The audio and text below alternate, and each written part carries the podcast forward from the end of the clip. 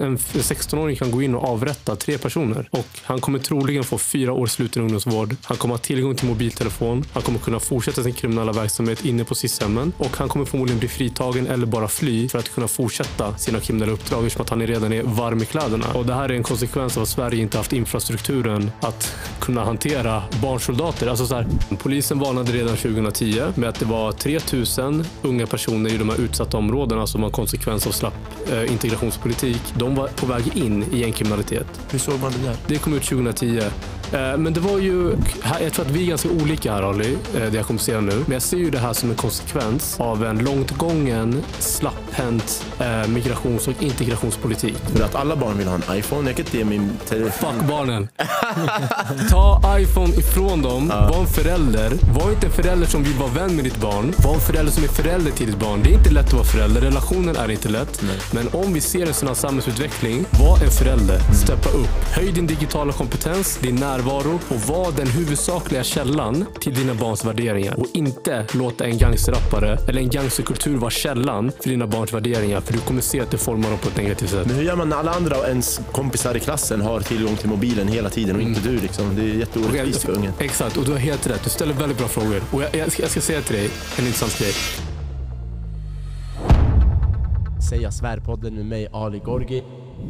Lollo, min broder. Min broder. Hur mår du? Bra tack. Själva? Skönt, det är bra. Kul. Jag börjar se att du börjar synas på tv och ja. lite olika saker. Ja, det har varit mycket de senaste två, tre veckorna. Ja. Faktiskt. Det är kul att se att det, Känner du att det börjar gå bra eller att det går framåt? Ja, alltså jag känner att budskapet eh, går fram på ett bra sätt. Mm. Um, och jag känner mer att uh, ja, men det här är saker och ting jag har pratat om i du kan gå tillbaka till min Instagram tre år, tre och ett mm. halvt år. Du kan gå in på bloggar som jag haft de senaste fyra åren. Eh, där jag pratat om just de här grejerna jag får mycket gehör för nu. Massmedia tar in det, du vet. Mm. Sådär. Så att det, det, är en bra känsla när man kan få, få fram budskapet mm. till en mm. bredare publik. Sist du och jag sågs, det var väl i somras. Jag vet inte om det var juni, juli någon mm. gång. Eh, och vi pratade då om det var mycket sprängningar och rapkulturen och dess påverkan i, mm. på unga och samhället och unga kriminella och så vidare. Hur tycker du utvecklingen har varit på de här, vad är det, fyra, fem månaderna sedan vi såg sist? Det har ju bara intensifierats. Och vi har ju sett den här utvecklingen, skulle jag säga, senaste två, tre åren ungefär med unga kriminella utförare. Men nu, framförallt kanske senast under september månad, då har vi sett, tyvärr inte höjden än, men vi har sett i alla fall för då en höjd Um, och ett, um, en konsekvens av det här vi har missat på det absolut mest grövsta sättet med att vi bokstavligen har barnsoldater på svensk mark uh, som antar sig kriminella uppdrag. Och Det är allt från att transportera droger, vapen för att underlätta för de kriminella nätverken men också att kliva in i en bostad och avrätta två anhöriga mm. till någon till någon gängkriminell som sitter häktad eller så tillvägagångssättet har ju... Det har förändrats, det har blivit grövre, mer brutalt. Så inte en positiv utveckling in i det minsta. Men vet man vilka det är som utför de här morden inne i hem? Folk som sover och grejer? Alltså vi har ju ett par gripanden liksom. Mm. Och vi har ju en förståelse för vad det är för typ av ungdomar. Det är ofta ungdomar som flyr från SIS-hem. Eh, som är dömda för brott tidigare. Um, så de flyr därifrån och används aktivt för att utföra de här uppdragen för att det straffrättsliga ser ut som det gör kopplat mm. till uh, unga personer i Sverige. De får, en, en 16-åring kan gå in och avrätta tre personer. Och Han kommer troligen få fyra års sluten ungdomsvård. Mm. Han kommer ha tillgång till mobiltelefon. Han kommer kunna fortsätta sin kriminella verksamhet inne på SIS-hemmen. Mm. Och han kommer förmodligen bli fritagen eller bara fly för att kunna fortsätta sina kriminella uppdrag eftersom att han redan är varm i kläderna. Eh, och Det här är en konsekvens av att Sverige inte haft infrastrukturen att kunna hantera barnsoldater. Alltså så här, de här lagarna, de här straffen gällande barn, det är en god tanke. Det är så här, okay, barn som fuckar upp, som är i 15-16 års åldern, vi ska inte kasta in dem i fängelse. De ska inte få 14, 15, 16 år. Utan det är en konsekvens av låg impulskontroll eh, och det kanske är någonting vi kan rehabilitera hyfsat snabbt. Förr i tiden var det så kanske någon ungdom som satte eld på någon bostad, tänker inte, du vet, och någon dör i den branden. Vi stänger inte in honom 18 år, vi ger honom fyra år, rehabiliterar honom, han går ut och blir en produkt, eh, positiv, produktiv samhällsmedborgare istället för att stämpla honom. Vi har aldrig haft en utveckling som är så här. Eller vi har aldrig haft en sån situation där vi bokstavligen har motiverade unga gängkriminella som är villiga att spränga, döda, skjuta. Och det existerar inom en så systematisk konfliktbild där gäng vill åt varandra ute på gatan i Sverige. Sverige har inte infrastrukturen, har inte lagarna, har inte institutionerna för att kunna hantera det. Men förut var det ju det du nämnde att man bara får fyra år. Då var gränsen vid 21 års ålder, eller? Ehm, hur var det förut? Det var väl en högre åldersgräns på det där? Nej, det var, det var, du hade straffrabatt mellan 18 och 20. Okej. Eh, Så att vi säger att du, du var 18 för det, det, det gick in eh, första januari 2020 tror jag. Mm. Vad fan betyder straffrabatt? Straffrabatt basically är en ungdomsrabatt. Alltså så här, istället för att du får 18 år till livstid Aha. för ett mord, när du är mellan 18 och 20 var det förut, för tre, fyra år sedan ehm, och längre bak. Eh, Då så fick du istället kanske 11 år kanske? Och det 9 här, den här rabatten fick du vid domen alltså samtidigt. Det där tycker jag i så fall att man kanske borde behålla straffrabatt men det får du liksom, du får den rabatten om du har skött dig i sex år i anstalt. Det, så kan man motivera det, absolut. Men sen har vi, vi har ju också två tredjedelar frigivning. Alltså du, Om du döms i 18, du sitter, du sitter 12 oftast. Sen är det villkorlig va? Ja, det, så kan det vara. Så om du sköter det så. Men, men det är fortfarande det är helt otroligt att, att bokstavligen vi har 16-åringar som kan avrätta människor i en konflikt och de kommer ut när de är 19-20. Vad tror du har hänt under den perioden? han i har blivit värre. Han har blivit värre. Han har blivit värre. Eller hur? Han är redo nu. Han, ja. Nu, det är nu han liksom klättrar i statushierarkin inom den kontexten, i kriminella kontexten. Han har bröstat fyra, han kommer ut, han är, han är varm i kläderna, han har, han har en kropp liksom i bagaget. Det är bra på CV. Det är bra på CVt. Wow. Exakt. Ja. Så att Sverige har inte infrastrukturen och har inte haft plan, strategi för att kunna hantera en sån utveckling. Och det är så mycket av den här problematiken vi ser, det är en konsekvens av svensk naivitet, svensk slapphet och också att vi är fredsskadade. Vi har inte liksom riktigt i det här landet haft riktiga, riktiga sådana utmaningar. Så vi har inte, så här, du vet, vi kan inte quickfixa saker. Vi kan inte eh, hitta lösningar eh, för stunden. Utan det blir långsam, så här, utdragen. Ja, men precis. Vi, vi går på möten, vi pratar om det. Så här, Utredning. Ja, vi ska utreda det här lagförslaget. Vi ska prata om vad som Ja, blir bäst. utredaren är på semester. Ja, Du det, vet, så, ja, men basically sådär du vet. Det, det, det är väldigt svenskt det hela. det är jättesvenskt. um, så ja, men vi lider sviterna av det. Så att den här utvecklingen sen vi träffades senast, den är, den är helt brutal. Katastrofal egentligen. Men det är en fråga som man brukar höra ställas i debatten. Och så här, såg ni inte det här komma? Ja. Vad, vad, vad säger man där? Vad tycker du? Alltså många eh, förstod ju att det här var en eh, möjlighet. Ehm, polisen varnade redan 2010 med att det var 3000 unga personer i de här utsatta områdena som var en konsekvens av slapp eh, integrationspolitik. De var eh, på väg in i gängkriminalitet. Hur såg man det där? Det kom ut 2010. Eh, Men det var ju ehm, hur man har eh, samarbete med i skolmiljön, hur man har samarbete med socialtjänsten eh, och vad man ser i eh, utredningsarbetet som polisen gör. eh, Vilka typer av ungdomar som uppvisar riskbeteenden. De går inte i skolan, de hänger mycket ute eh, på skoltid, de är i centrum mycket, de är ofta runt äldre som är kriminella redan. Och, och då gör man en beräkning på ungefär hur många ungdomar det kan handla om. Och då har jag för mig att det var 3000 ungdomar förväntade man sig. Och det här var 2010, innan vi hade de här morden. Innan vi hade de här skjutningarna så som vi ser idag. Men ingenting gjordes åt det. Och varför inte kan jag inte riktigt svara på. Men det är återigen den svenska naiviteten. Ehm, och här, jag tror att vi är ganska olika här Ali, eh, det jag kommer säga nu. Men jag ser ju det här som en konsekvens av en långt gången slapphänt eh, migrations och integrationspolitik. Med att det har varit svårt i omvärlden, i länder som vi kommer ifrån, subsahariska Afrika och Mellanöstern eh, under början på 2000-talet, framförallt Irak, början på 2000-talet och Somalia. Politisk instabilitet, krig och konflikt som delvis väst har haft en del i att, ehm, att försvåra de situationerna utan snack. Men då har många varit på flykt och många vill gå till bättre ställen. Sverige har alltid haft ett rykte att vara ett positivt ställe att ta sig till. Så Sverige under den perioden, början på 2000-talet, har haft en väldigt stor famn, väldigt mycket empati med väldigt få verktyg och infrastruktur att kunna integrera de här familjerna som kommer på ett adekvat sätt.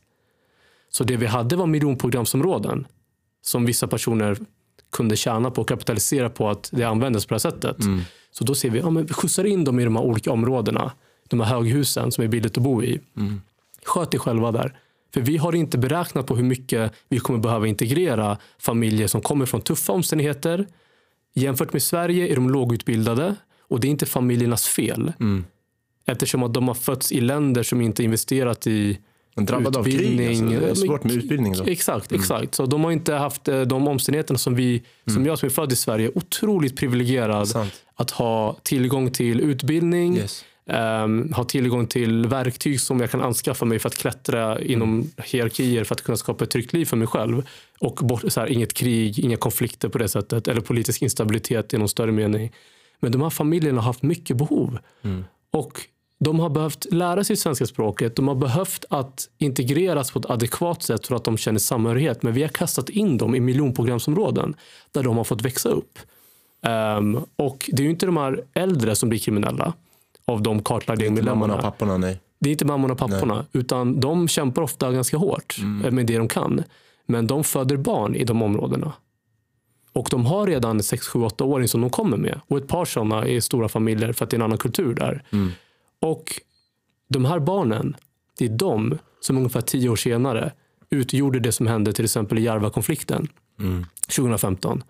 Ehm, så det var de unga killarna som skulle växa upp under de omständigheterna som sen syndes eh, i de här gängkriminella konstellationerna. Men kan man dra en parallell då direkt till invandringen och säga att det är invandringens fel? Eller är- för att jag, jag har sagt i tidigare avsnitt att de här ungdomarna är en produkt av Sverige. 100 procent.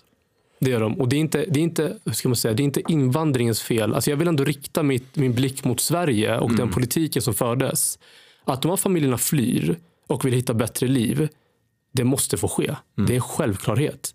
Men Sverige menar jag, som är ganska symptomatiskt för Sveriges naivitet, de har haft den politik som är väldigt slapphänt kopplat till migrations och integrationsfrågan. Vi har inte räknat på hur vi ska kunna hjälpa de här familjerna. Hur mycket det kostar. Jag säger inte att människoliv, man ska sätta pris på människoliv och sådär. Men politik är eh, tuff och man måste ställa de frågeställningarna. Vi har en viss budget och hur mycket behöver vi investera i de här människorna för att de ska kunna integreras på ett bra sätt så att de inte hamnar i utanförskap. För det är där kriminalitet föds. Så de här eh, personerna som blir kriminella, ing, det är inte deterministiskt. Ingen föds kriminell. Utan du formas av din omgivning, du formas av dina förutsättningar. Och Sverige har inte varit ehm, har inte varit tillräckligt strategiska kopplat till den här stora migrationen som har varit från de här väldigt tuffa platserna. eh, för Så kan man säga att de har liksom gjort det av god vilja, men de har inte planerat för det tillräckligt väl. Exakt så skulle jag säga. Ja. Så, Och det låter jätterimligt faktiskt. Att, att, för det är det vi upplever. Att De kommer hit, de skickar dem på SFI och säger men nu borde det lösa sig. nu borde det lösa sig. Men det löser ju inte sig. För att även om de här går på SFI och de ska bli en, en del av samhället, de kommer ändå inte ta till sig svenska vanor, seder och vad heter det, mm, traditioner. För att de kommer inte vara på någon midsommarfest. Nej. De kommer inte fatta vad svensk kultur handlar om. Och sen ser de mycket att svensk kultur liknar amerikansk kultur. Och man inför halloween och du vet så här, va, det här är sånt som kom från USA. Och sen tänker man USA bombar sönder mitt land. alltså, förstår du? förstår du. Och så då blir det så här lite redan att man tar avstånd och det blir redan, bara där blir det en mental vi och dem-känsla. liksom. Exakt, exakt så är det. Och helt ärligt, när det gäller, jag är ju för integration, kraftig Mm. sådan, men inte assimilering. Alltså att behålla kultur, traditioner, det, är jätteviktigt. Din religion, du ska ha allt det där. Mm. Men det som är så otroligt viktigt som är key för att känna samhörighet, det svenska språket. Ja. Superviktigt att man kan få tillgång till det svenska språket så att man kan utveckla det på sätt som du och jag har gjort. Yes. Eh, och vi har inte haft föräldrar som pratar klockren svenska. Eh, men det vi har haft är tillgång till svenska språket på andra sätt. Genom samspel med andra ungdomar till exempel. Eller att vi har ett intresse för det. Och vi har liksom gjort en vi har, vi har haft andra förutsättningar att göra det. Men om vi har då miljonprogramsområden där vi säger då Rinkeby som ett bra exempel. eh, Där de kastas in i miljonprogramsområdena, de här höghusen. Alla kommer från samma land, de kommer från samma förutsättningar och ingen av dem har någon större tillgång till det svenska språket av olika anledningar. Då blir det som att de här pojkarna som växer upp inte tillgång till svenska språket i hemmet. I deras eh, eh, Fritid, eller? Ja, precis. I deras community där de liksom hänger. Deras, som så här, eh, inte heller i skolan. Nej. Inte i föreningslivet. För att de, det är segregerat. Ju. Yes. De har inte tillgång till någonstans. Och det som hänt nu till och med. Det är att etniska svenska pojkar och flickor pratar lika mycket orten svenska som de gör. Och det blir, deras, det blir en förlust av den sista källan av samspel med det svenska språket som de kan få tillgång till.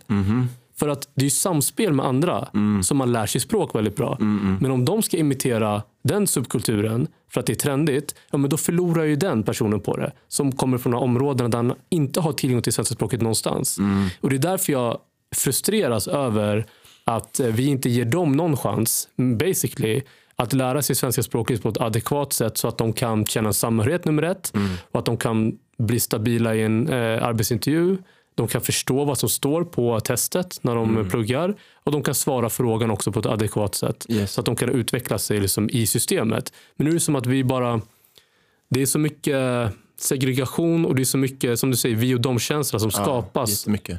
På grund av att de inte har tillgång till det svenska språket Ja. någonstans. Men tror du inte det du nämner att svenska ungar börjar prata ortens svenska, att det kanske normaliserar hur de här ortenmänniskorna pratar Ja. och att det kanske istället är bra för att då blir det istället för att jag ska känna mig som en dålig individ eller som att jag är jätteolik alla andra så börjar folk låta lite mer som mig också. Ja. Det kanske normaliserar och underlättar. Så är det. Och det är ju till och med att det ger dem social status. Eftersom att i ungdomskulturen just nu, alltså om du är en, jag vill inte låta raljant, men om du är liksom en ortengrabb på det sättet. Du får social status. Svenskarna tycker det är så jävla coolt för att du liknar deras favoritrappare. Ah, okay. Så att de tycker det, det, är som att de, du, du blir exotifierad som ung ortengrabb. Ja. Så att tjejerna attraheras av det, killarna vill imitera Vad det. fan är det som är attraktivt med det? Jag tror att på grund av den extrema konsumtionen av gangsterrap, musikvideos och att det är förknippat med social status, glamour, bilar, kläder, kändisskapsstatus. Att man då ser det som eftersträvansvärt. Eftersom att man har blivit programmerad att se det som Men hur eftersträvansvärt. har de blivit? Alltså jag fattar inte varför. Det är ju det är genom musiken det har blivit. Alltså för tio år sedan. ungarna fattar, inte att den här, fattar de inte att musiken är bajs? Alltså det är bajsmusik. Alltså, Det är ingen bra musik. Nej, och det är ju subjektivt såklart. Alltså, är sant, och, och jag kan erkänna att viss, som jag har hört då bara, det är välproducerat. Det är, jätte, det är jätteduktiga producenter framförallt som Yes. står för det. Men när du tänker på allt runt omkring det Ja. och så här, vad kommer bakom den här Ja, låten eller, eller framkallandet av den här musiken så tänker man det är bajs. Alltså. Ja, Folk som har dött mannen. Exakt. Han sitter och sjunger om hur du ska knarka, sälja knark. Det är så här, vad är det här då?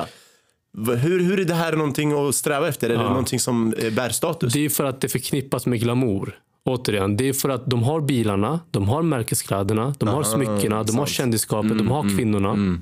Så de ser det som ett framgångsrecept. Så pojkar kollar på det här och då vill imitera det. Ja. Och de pojkarna kollar på tjejer, vad de tycker om. Tjejerna älskar de här. Sant, sant, sant. Du, ah, min man, ah, den Ja, här gangsterrappen min man. Ah, gör sexiga TikTok-danser till den här låten. När pojkarna kollar på det, de bara, vänta nu. Jag ska också. Jag måste också, för att jag vill också ha hennes uppmärksamhet. Ja. Så då skapar man en subkultur som är uppstyrt av de mest negativa värderingarna du kan tänka dig. Som är uppbyggt av hypermaskulinitet, negativa värderingar kopplat till kvinnor, drogförhärligande, eh, eh, eh, eh, respektlöshet mot ditt community, materialistisk styrkan, pengabesatthet. Gangsterrappen manifesterar allt det negativa, men det har skapats en subkultur kring de värderingarna som pojkar och flickor imiterar Ja. i alla samhällsskikt. Så att jag menar att så här, i, och, ja, Men jag undrar, är det ungdomarnas, ungdomarnas fel att, det här, att de glamoriserar och glorifierar alla de här äh, sakerna som du nämnde som materiella ting och, eh, och allt det här? Är det ungdomarnas fel själva eller är det lite samhällets fel att samhället har varit med och påverkat och styrt vilka som ska vara våra förebilder? Så är det. Och jag menar att det här är det här är, kolla, det är en oundviklig konsekvens av en extrem digital utveckling de senaste tio åren. Där vi har så mycket tillgång till så mycket information, musik, kultur, bam, bam, bam, hela tiden. Oändlig produktion, oändlig tillgång. Så, och barn har tillgång till det här. Och vuxna har inte hängt med i den utvecklingen och ser hur det formar deras barn. Eh, och Det här påverkar dem negativt kopplat till pornografisk överkonsumtion. Det påverkar dem negativt kopplat till gangsterism, till pengabesatthet, materialistisk styrkan, allt det som promotas via gangsterrappen. Eh, Så att det är den tillgången till den informationen. Och barn skyddas inte, för de är påverkansbara. Men barn skyddas inte från att kolla på det här och se det som eftersträvansvärt och formas som individer och skapa idéer, skapa det som kultur, skapa beteenden kopplat till det de har sett som eftersträvansvärt i deras kultur. Så det, det är det jag skulle säga. Att de, tyvärr, det är oundvikligt om vi inte skyddar barnen från det. Men föräldrarna kan ju inte sätta stopp för det där för att alla barn vill ha en iPhone. Jag kan inte ge min telefon. Fuck barnen. Ta iPhone ifrån dem. Var en förälder. Var inte en förälder som vill vara vän med ditt barn. Var en förälder som är förälder till ditt barn. Det är inte lätt att vara förälder. Relationen är inte lätt. Men om vi ser en sån här samhällsutveckling. Var en förälder. Steppa upp. Höj din digitala kompetens, din närvaro och var den huvudsakliga källan till dina barns värderingar. Och inte låta en gangsterrappare eller en gangsterkultur vara källan för dina barns värderingar. För du kommer se att det formar dem på ett negativt sätt. Men hur gör man när alla andra ens kompisar i klassen har tillgång till mobilen hela tiden och inte du? Liksom? Det är jätteorättvist för ungen. Exakt, och du har helt rätt. Du ställer väldigt bra frågor. Och jag, jag, ska, jag ska säga till dig en intressant grej. Om du går till en 13-årings eh, förälder, och du säger, eller 10-årings kanske, och du frågar så här, vill du ge ditt barn en iPhone? Jag har testat det här på mina, mina mostrar och morbröder. Vill du ge ditt barn en iPhone? En Ja. iPhone? I guess. Nej, nej, nej. De säger nej. Aha. Men jag måste göra det för att hennes eller hans vänner Såklart. har. Såklart. Och jag förstår det. Man vill inte exkludera sitt barn så att det känner sig utanför. Jag inte hade ingen. Playstation när jag växte upp. Inte, Alla inte jag andra. heller. inte jag heller. Det gjorde ont. Jag, vet, jag, fick, ett, jag fick en GameCube. Ehm, men om du frågar en förälder då.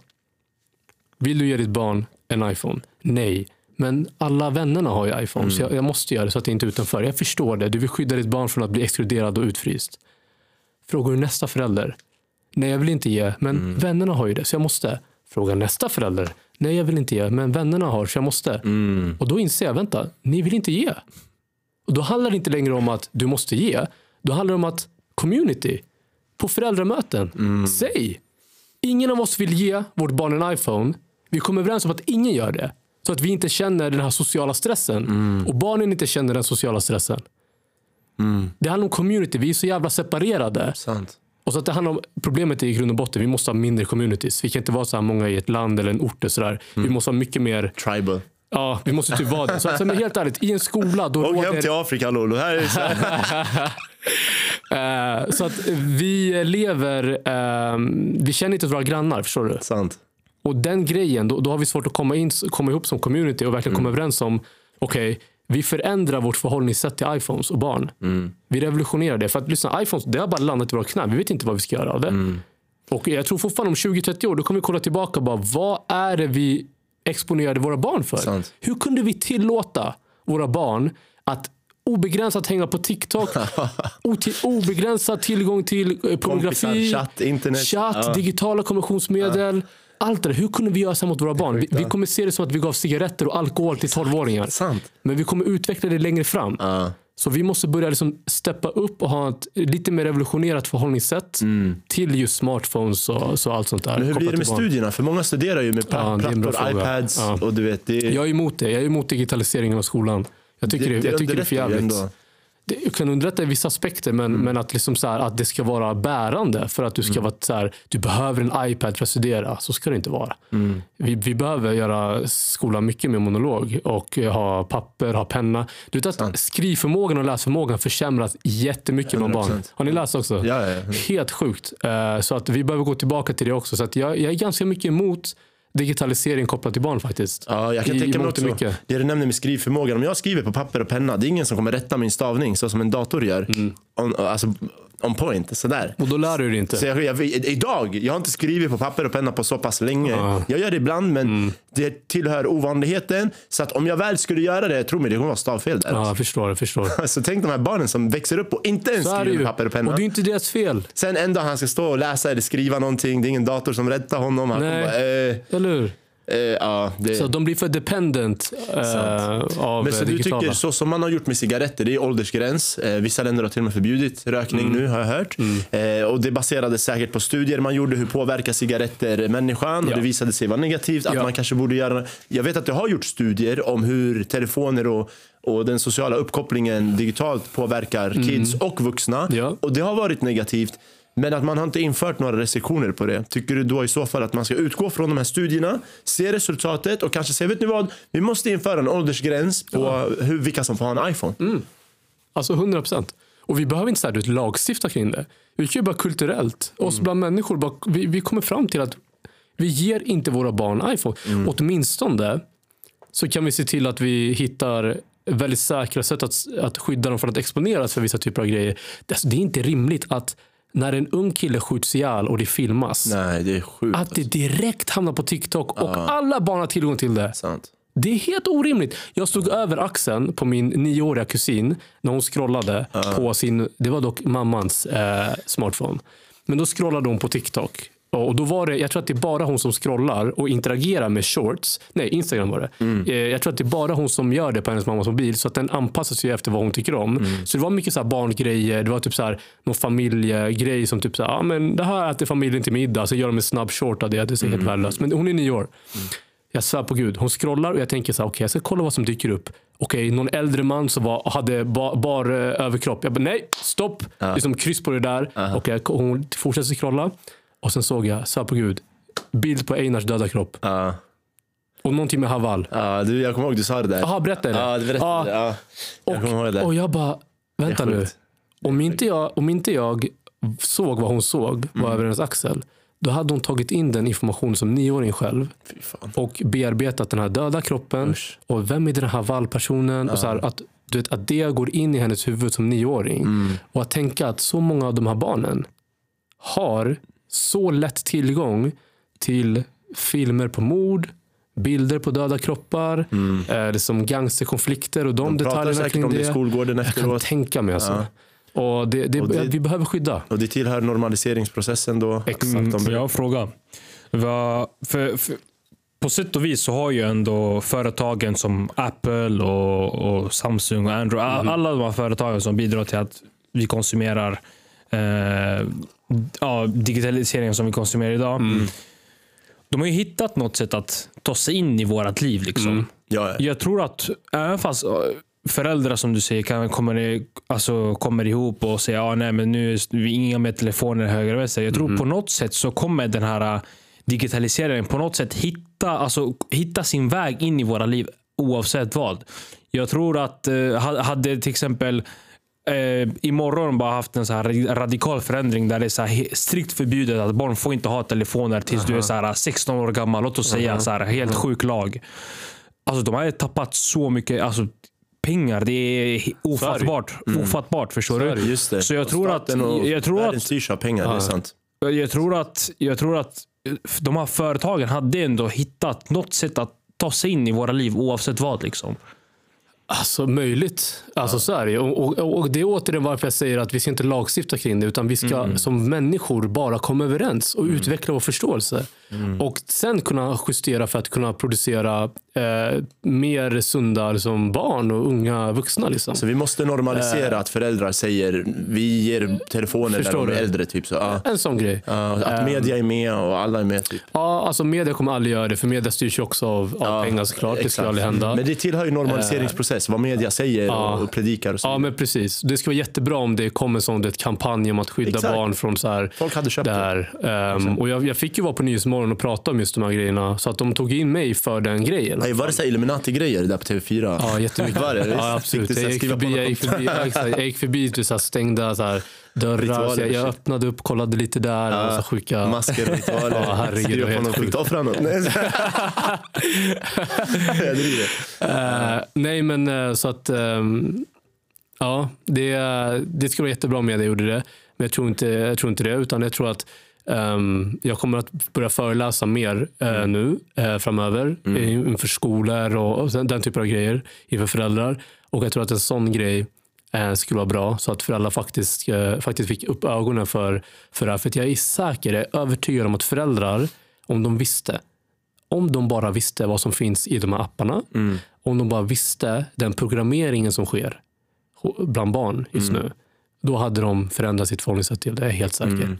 För det är riktigt brutalt. Det är ett svårt ämne. Alltså, som sagt, kolla som du säger, så här, cigaretter och jag vet Mm. inte vad. Att man, det har blivit mycket striktare. Sådär. Men fortfarande, vi är beroende av nikotin. Förstår du? Och det, nikotin hittar sin väg Vilka vi? till alltså, människor. Är vi? Jag är inte beroende, eller? Nej, nej, alltså över, Det finns- överlag. Det överlag. finns de som är menar du? Ja, ja, ja. Men, och, och, och det går upp med tiden. Kanske inte genom cigaretter, men Ja. Genom snus, Ja, vape, sådana grejer. Vad, vad heter de? Velo, alla de här grejerna. Mm. De boomar just nu. Mm-hmm. Förstår du?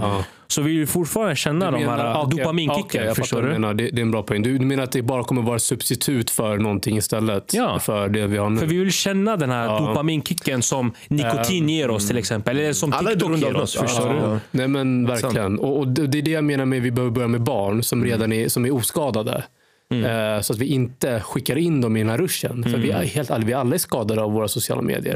100 procent. Alltså så här är det ju. Så vi alla påverkas, eh, vuxna också. Så att, jag menar så här, nya generationen barn nu, så föräldrar som har 8-9-åringar, kasta inte in dem i den här grejen.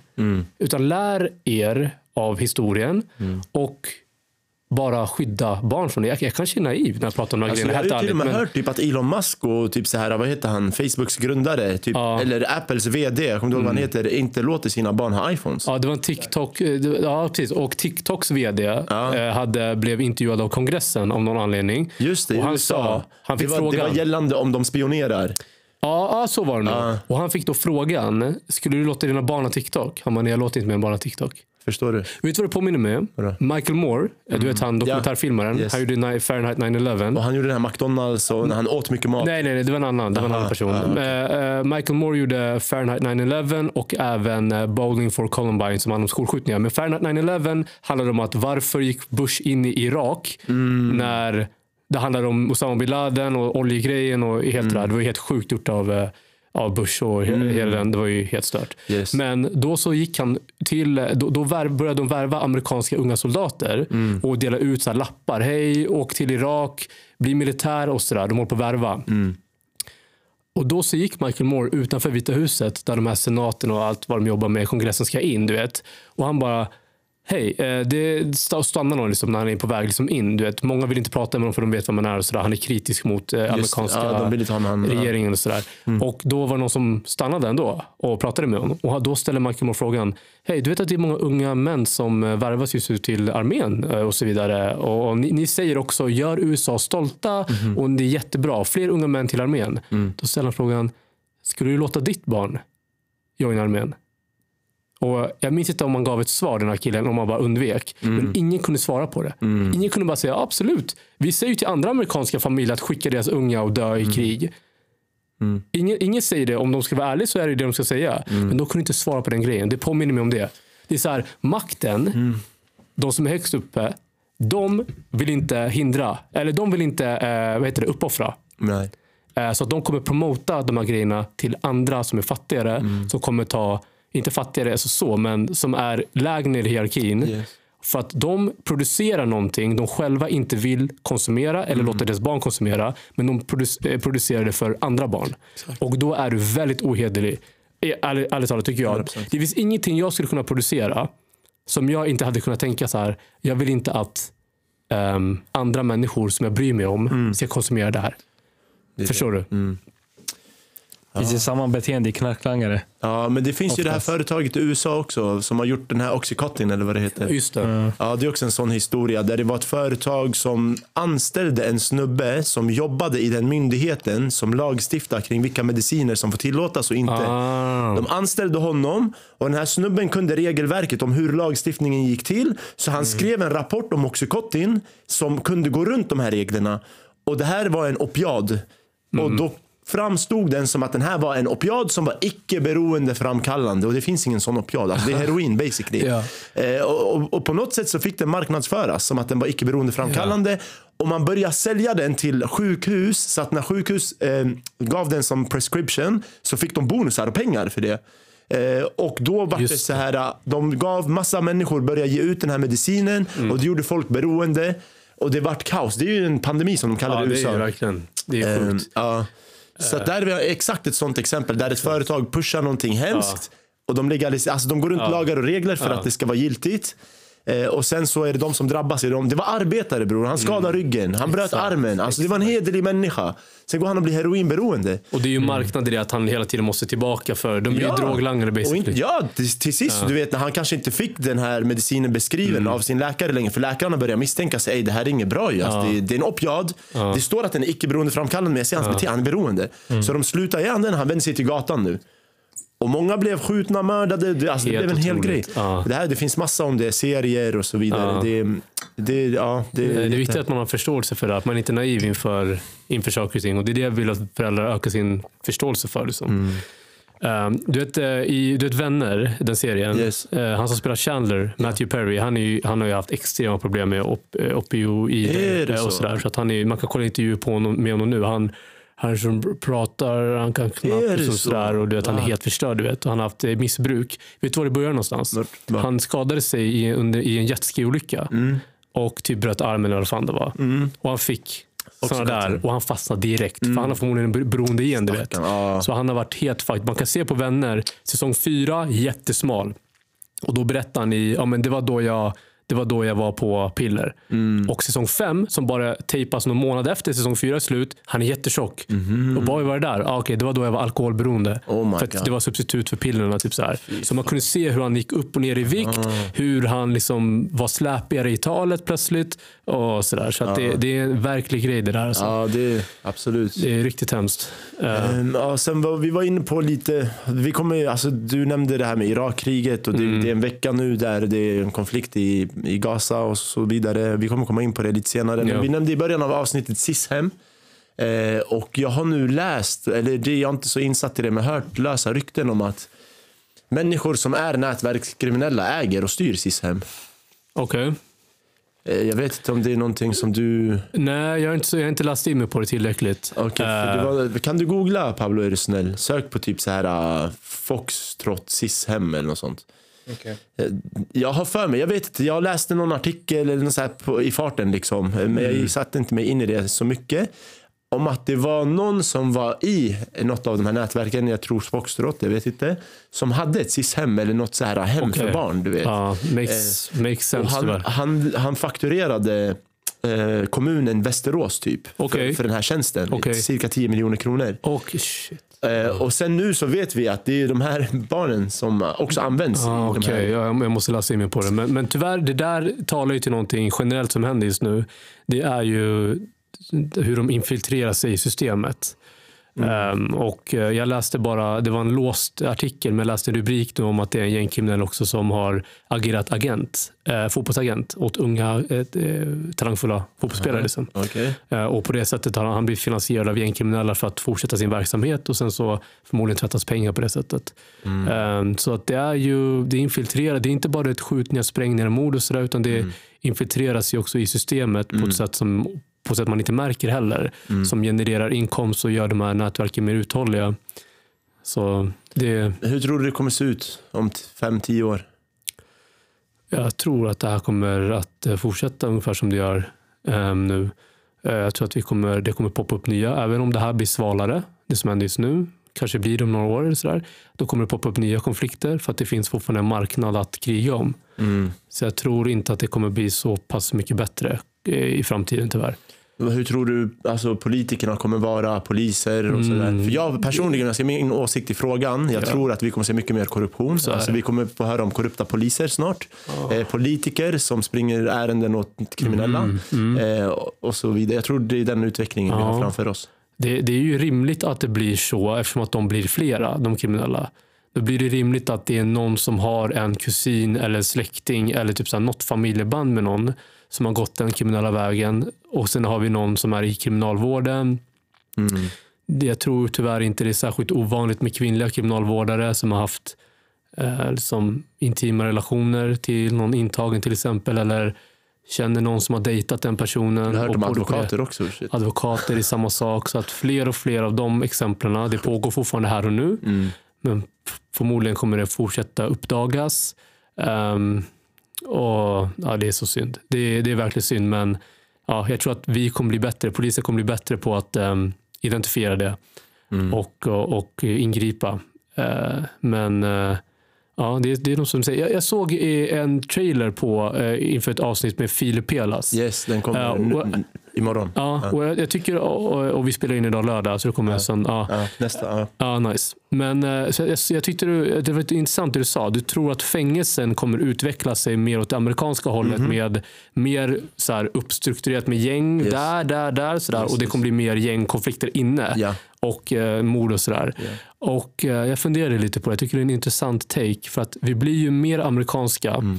Ju våldsammare det blir här. Eh, för den amerikanska reaktionen på våldet i USA är ju något som vi tar efter.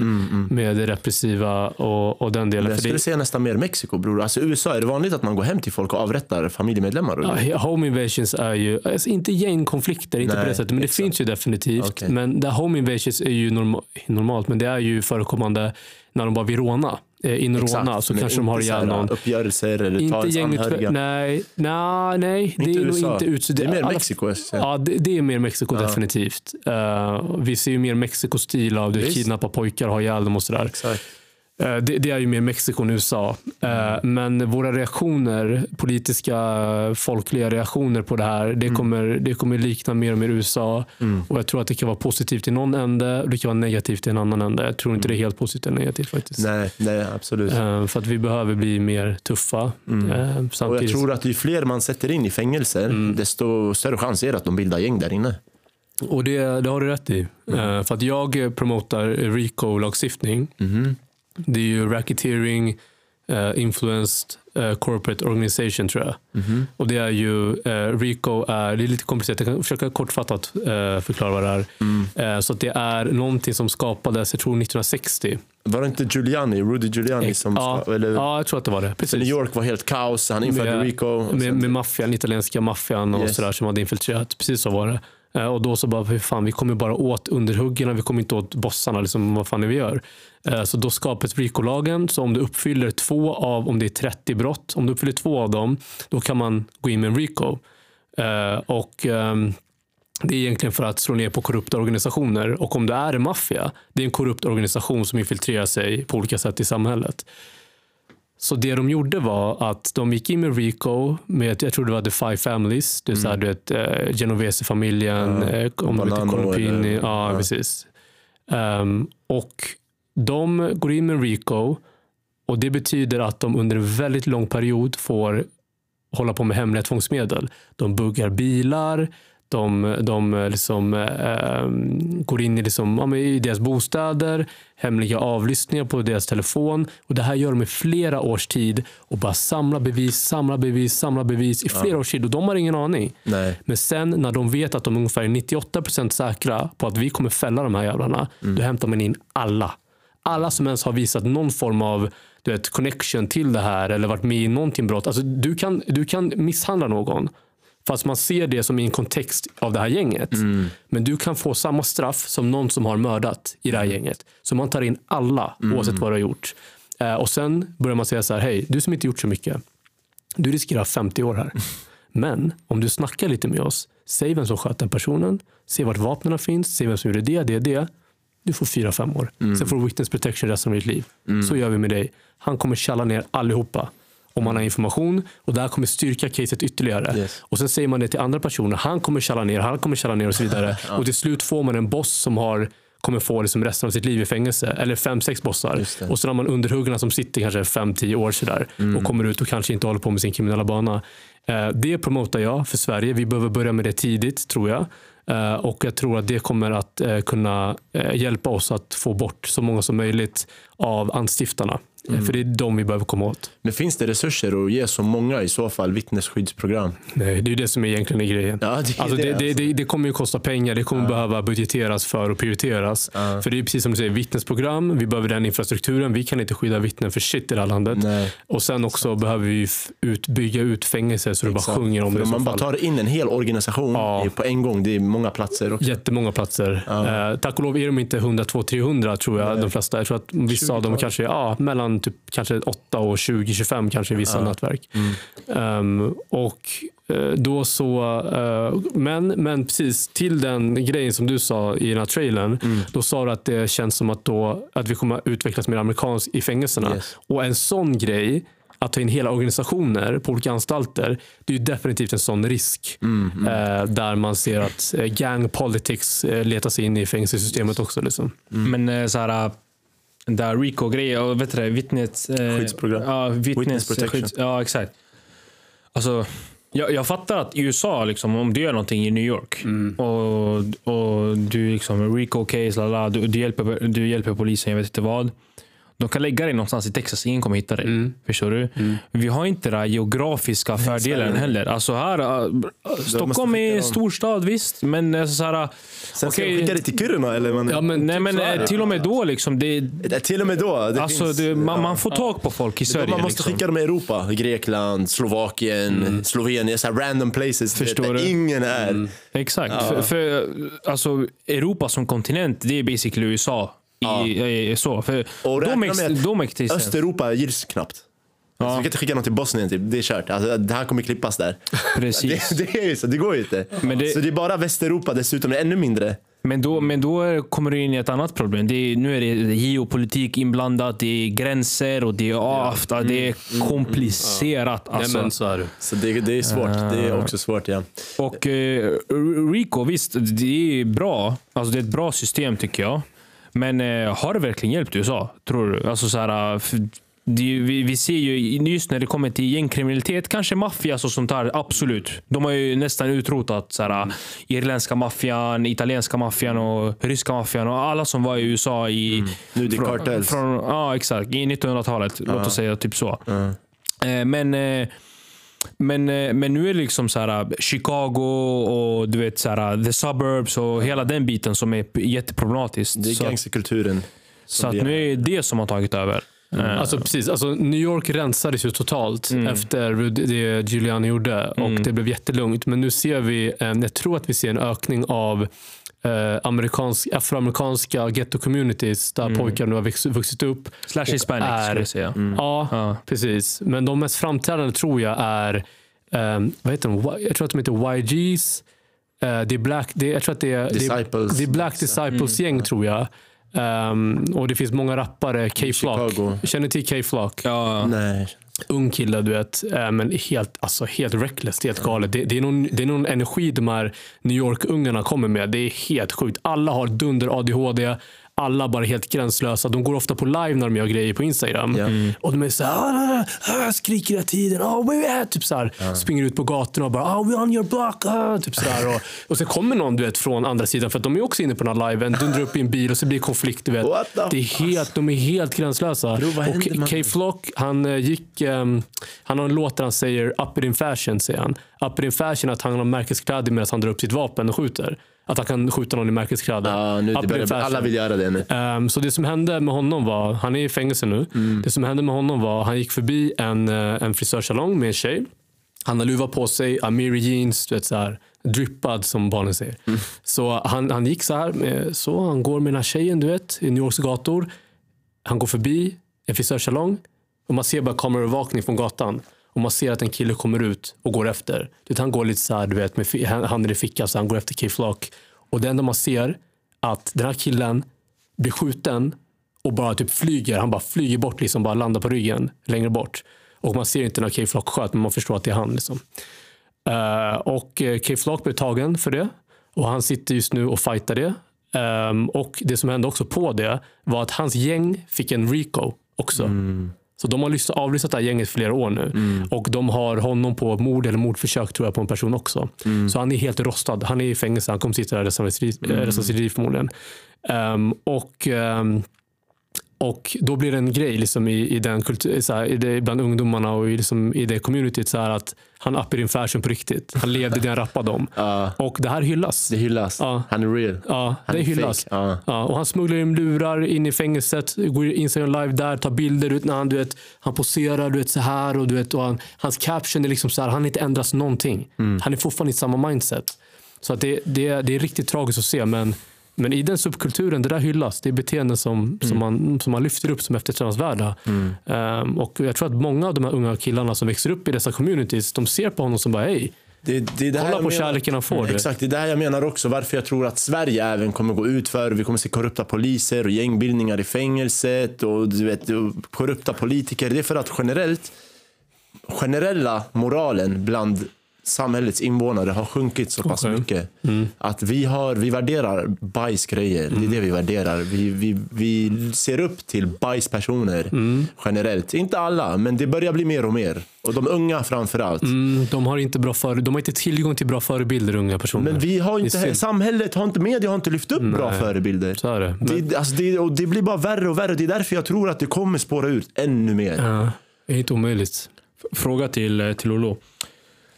Det, när, jag, när jag ser det här, jag tänker, det började med hela den här ja. Du vet, det var ju jätte, jättetrendigt för, alltså, förra året.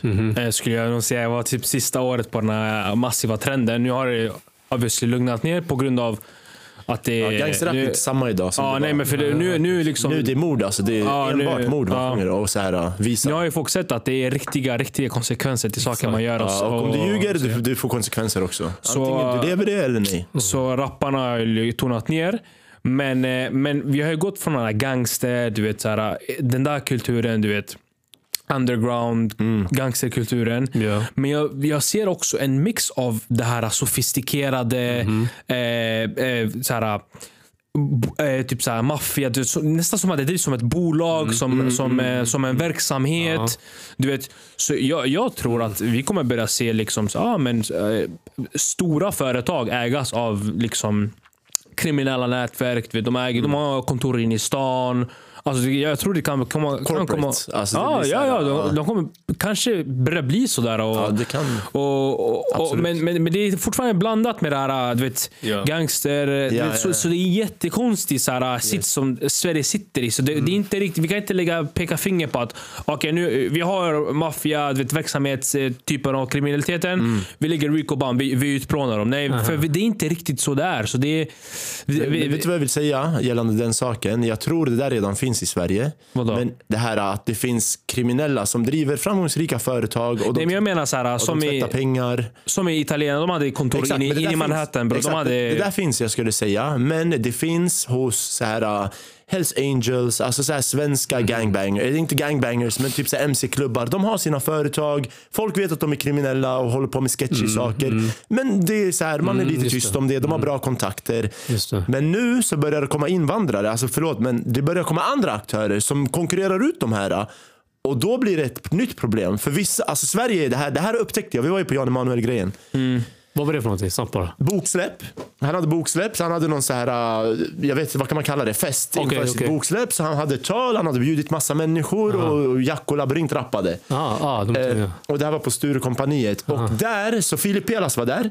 Och Filip sa så han bara, det, alltså, det finns HA-människor, Hells Angels-människor här. Och jag var så här, jag känner inte dem, men jag såg så här, alltså, biffiga, du vet, de såg ut som sådana. Du vet. allegedly bror. Allegedly, jag vet inte, jag har Allegedly, ingen aning. ja. Men Filip han, han sa, jag vet att, eller han sa det finns HA-människor här. Mm. Hur mycket, huruvida säker han var, jag vet inte. Men vi, utifrån mitt perspektiv, jag såg folk som stämmer in i stereotypen om man säger så. Eh, och sen höll Jan Emanuel tal och då sa han så här, vi måste sluta med den här gängkriminella utvecklingen och det här är åt helvete, det är inget bra, vi måste sätta stopp, vi måste ta i med hårdhandskarna, säger han. Men samtidigt har han gamla kriminella i sitt evenemang. Mm, och det var politiker där också. Så då undrar jag, vad menar han med det här? All respekt till Jan och allt det hårda arbetet och jag var glad att jag var inbjuden dit. Men jag tycker, vad menar han när han säger det? Han har ju kriminella där. Uppenbarligen är han okej med att de här är kriminella men inte de där. Så, så det, gällande det du sa Pablo, jag tror vi redan har lite av det där att det finns corporate level style eh, kriminella. De har börjat konkurreras ut och det kommer nya aktörer och de här nya aktörerna är ortenblattar. Eh, och det är ett nytt problem. För jag tror Sverige är ett sånt land där tyvärr, vad jag tror nu och det jag står för det här är att man vill gynna sina egna lite mer än folk som inte är av samma hudfärg eller samma bakgrund och så vidare. Till- Det är vad jag tror. Men, men jag ska vara helt ärlig. Mm. Till Sveriges försvar. Det, alltså, man, man, man ser det här i nästan alla länder. Liksom. Mm. Den här att ja, men man gynnar lite mer sin etniska. Det, det Sant. finns överallt. Det Alltså, sant. man kan inte sant. bara Jag håller blamea. Sverige för Jag det håller där. helt med dig. Men problemet här är... I Japan, det, bro, I Japan det finns ställen de släpper inte in dig bara för att du är turist eller eh, utländsk. Jag håller med. Men problemet här är att vi som har vuxit upp här har ju lärt oss helt andra värderingar. Och det är de vi strävar efter att leva, leva med. Mm. Men sen kommer vi in i en värld som inte är så. Och där uppstår en konflikt. Mm. Tänker jag. Jag har ju lärt mig alla lika mycket värda. Beroende på vart du kommer ifrån spelar ingen roll. Vi är människor och det är det som betyder något. Och sen, ni har, programmerat, ni har program, programmerat mig i det här. Och sen kommer jag in i den här världen och inser det här är bullshit mannen. Och det här, det, upps, det uppstår en konflikt och det är inget bra. Antingen lär vi våra barn ärligt Lyssna, människor är lite, de ses på olika sätt. Vissa behöver jobba hårdare än andra och tyvärr, du är en av dem som behöver jobba hårdare än andra. Bara så du vet. Det här är den verkliga världen. Tro mig, jag tror det hade blivit, ungen hade varit så här, vet du, jag fattar ingenting, varför är det så? Men okej, okay, han, han är redo för den riktiga världen på något sätt. Så det här, så till svar för det du sa, att det finns i alla länder, ja. Men jag vet inte huruvida alla länder lär ut alla är lika värda. Det vet jag inte. För jag har gått skolan här och det är det som jag har lärt mig här. Vad, fråga till båda, men särskilt till Lolo. Tror tror du det, tror vi kommer se ett Sverige som eh, ja, men Amsterdam, Frankrike, du vet, med helt uteslutna för, eh, förorter. Alltså absolut helt uteslutna. Liksom. Och det är liksom, du går in i de här förorterna i till exempel Frankrike och det är, det är krigszon. Liksom. Ja, no. De här människorna har aldrig nästan, kanske en, två gånger i deras liv, de har varit inne i stan. Förstår du? Jag, jag, jag tror att vi kommer se sån utveckling. Tror du att, att våra politiker kommer se det där som en, en tillfällig lösning på något sätt? Alltså det, jag tror att det redan är så här till en viss nivå. Alltså det är så en viss nivå redan. Alltså men, att, men jag menar, det, men det är fortfarande mycket så här. Alltså jag menar så här, rent fysiskt att människor verkligen inte alltså, går utanför de här Mm. områdena. Liksom. För just nu vi ser liksom, alltså Eh, ja, med gymnasien in i stan och sådär som, som är eh, dominant med, med, med ungar med invandrarbakgrund. Du vet. Men de här gymnasier finns in i stan och sådana saker. Eh, så att de, de, vi Ja, inte... jag, förstår. Ja, det, det, förstår jag tror, det jag tror mer är att de medelklassen, övre medelklassen, lite mer rika kommer flyttas längre bort. Vi kommer ha mer gated communities som de har i USA. Mm. Typ Calabasas i, i USA. Alltså Los Angeles är ju, har ju en lågintensiv krigszon ibland. Mm. Det är extremt mycket våld i Los Angeles, mycket rån, mycket mord och det finns gang politics där. Men Calabasas är ett helt eget community. Kanye bor där, Drake bor där. Eh, liksom så här, det den typen av communities. Det kommer vi ha motsvarighet i Sverige. Så jag tror att medelkla- övre medelklassen och de som har ekonomin, förmågan kommer skärma av sig från resten. Och så kommer resten bli mer mer blandat så. Alltså typ så Solna, Råsunda, sådana områden som kanske ses mer som så här, det är rika, mer ekonomi, person som bor där. Men det kommer bli mer som hur man ser Rissne till exempel. Och jag säger inte något negativt om Rissne, men jag menar du vet, hur bostadsmarknaden ser ut där och attrak- alltså, attraktionskraften att bo i det området. Det kommer liksom, saker och ting kommer flyttas hela tiden. Och så kommer medelklass, övre medelklassen flyttas längre bort. Kommer skapa gated communities och bli mer avskärmade från det som händer här. Eh, det, det tror jag är utvecklingen för Sverige. Mer än att just vi separerar orten från resten. Eh, det tror jag definitivt. Ja, ja men okej. Så nu vi har pratat lite om, om Sverige, situationen, gängen. Eh, och jag hoppas att det inte spårar ur så som jag har. Så som jag, jag är ganska negativ till utvecklingen men det beror på som sagt vilka vi väljer att lyfta upp som förebilder. Och jag hoppas att vi kan ändra på det i gemenskap med liksom media och all, allihopa. Att vi alla Inshallah. Inshallah, exakt, exakt. Vi måste börja värdera bättre saker. Och Definitivt. unga kids i orten, jag vet inte hur många, vi har inte så många unga som lyssnar på det här, det är mest i vår ålder.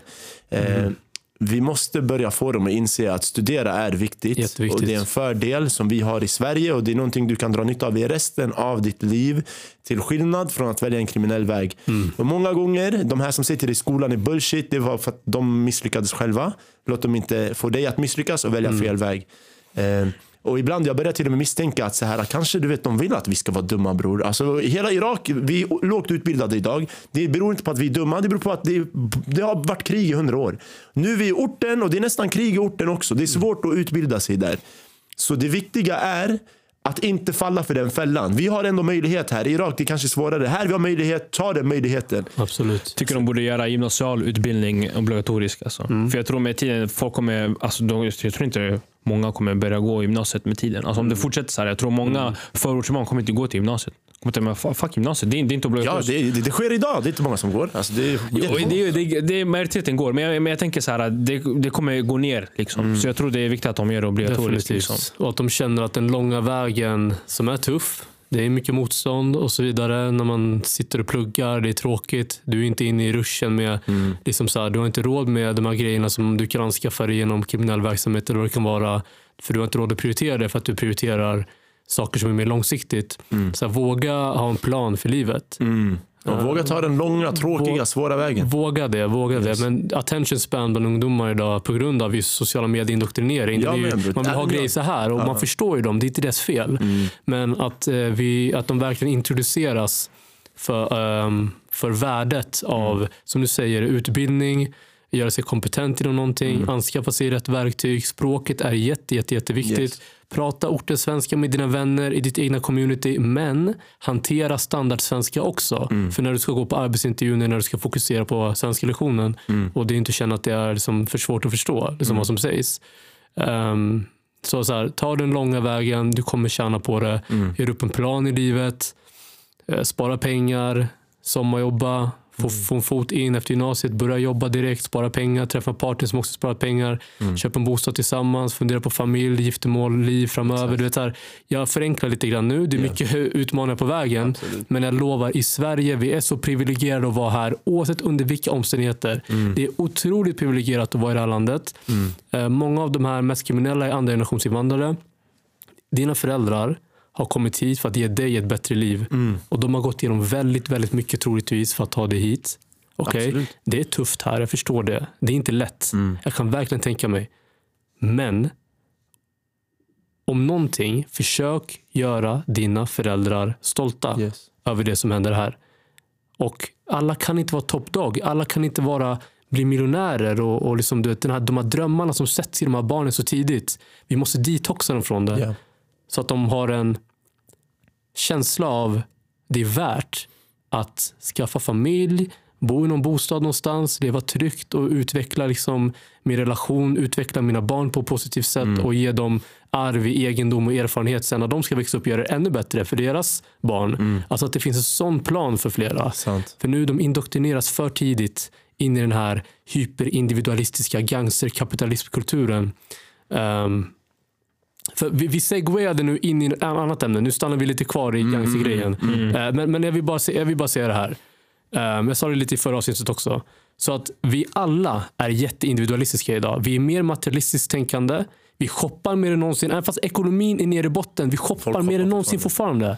Så att det här gäller inte bara så här kids som, som lägst ner i statushierarkin i orten som bara vill ha märkeskläder. Vi alla är mer individualistiska. Vi alla vill promota perfekta liv till våra sociala medier. Resor, kläder, hem, familj. Allt är perfekt. Vi alla drabbas av det. Problemet är att de som är lägst ner i statushierarkin har inte med har inte möjligheten att med legala medel anskaffa sig de här grejerna som kan, de kan visa upp det. Så att de går i i illegala, genom illegala medel vilket är den statushierarkin. Så när flera unga, framförallt killar, de konkurrerar där. Likt vi konkurrerar om ett jobb kanske. Yes. Eller en bättre lön. När de konkurrerar, då har de ihjäl varandra. Mm. Och det är så saker och ting eh, går ur så här, kontroll. Ehm, så att vi alla är drabbade av det, alla samhällsskikt av det materialistiska. Men vi behöver framförallt detoxa barn från det. Alla barn, inte bara orten, utan alla barn från det tankesättet för att forma dem till lite mer sunda individer. Men det är absolut mest viktigt i de här svårare omständigheterna, för barn i de här svårare omständigheterna, för att de har ännu större utmaningar tyvärr. Sant. Sant. För att de kommer från tuffare Och ge inte upp. Trots dina svårare utmaningar, ge inte upp. För jag har hört många som bara, jag har sökt tio jobb, gått på tio intervjuer. Svensken fick jobb efter två intervjuer. Jag fick noll jobb så jag började beckna istället. Alltså, förstår du? Ge inte upp, fortsätt kriga. Det är verkligheten och det är därför jag säger att det här, de värderingarna vi har vuxit upp med sen vi kommer in i den riktiga världen och vi inser att det är falskt. Alltså, Mm. Vi behöver kanske förstå att vad verkligheten är så vi är förberedda för den och Ja. kan hantera den utifrån det vi har lärt oss. Liksom. Exakt. Så det är det jag tänker. Men jag satt och log lite när du pratade. För jag kom på en grej. Ja. Du var ju med på Sverige möts och Jomshof va? Ja, just det. Bror, hur var det? Snackade du med honom? Eller? Ja, absolut. Eller han snackade vi, med vi, svarta ja, nej, vi tog, jag lovar. Vi tog, vi tog en öl efter i så? Jag lovar. Ja, vad, okej. Eh, och liksom snackade. Så att, så här, Jag vet inte din relation till det. Jag förstår ju ideologiskt vad ni Yes, står. yes, ganska, yes. eh, så. Men ja, nej, men det, Vad snackade ni om? Eller?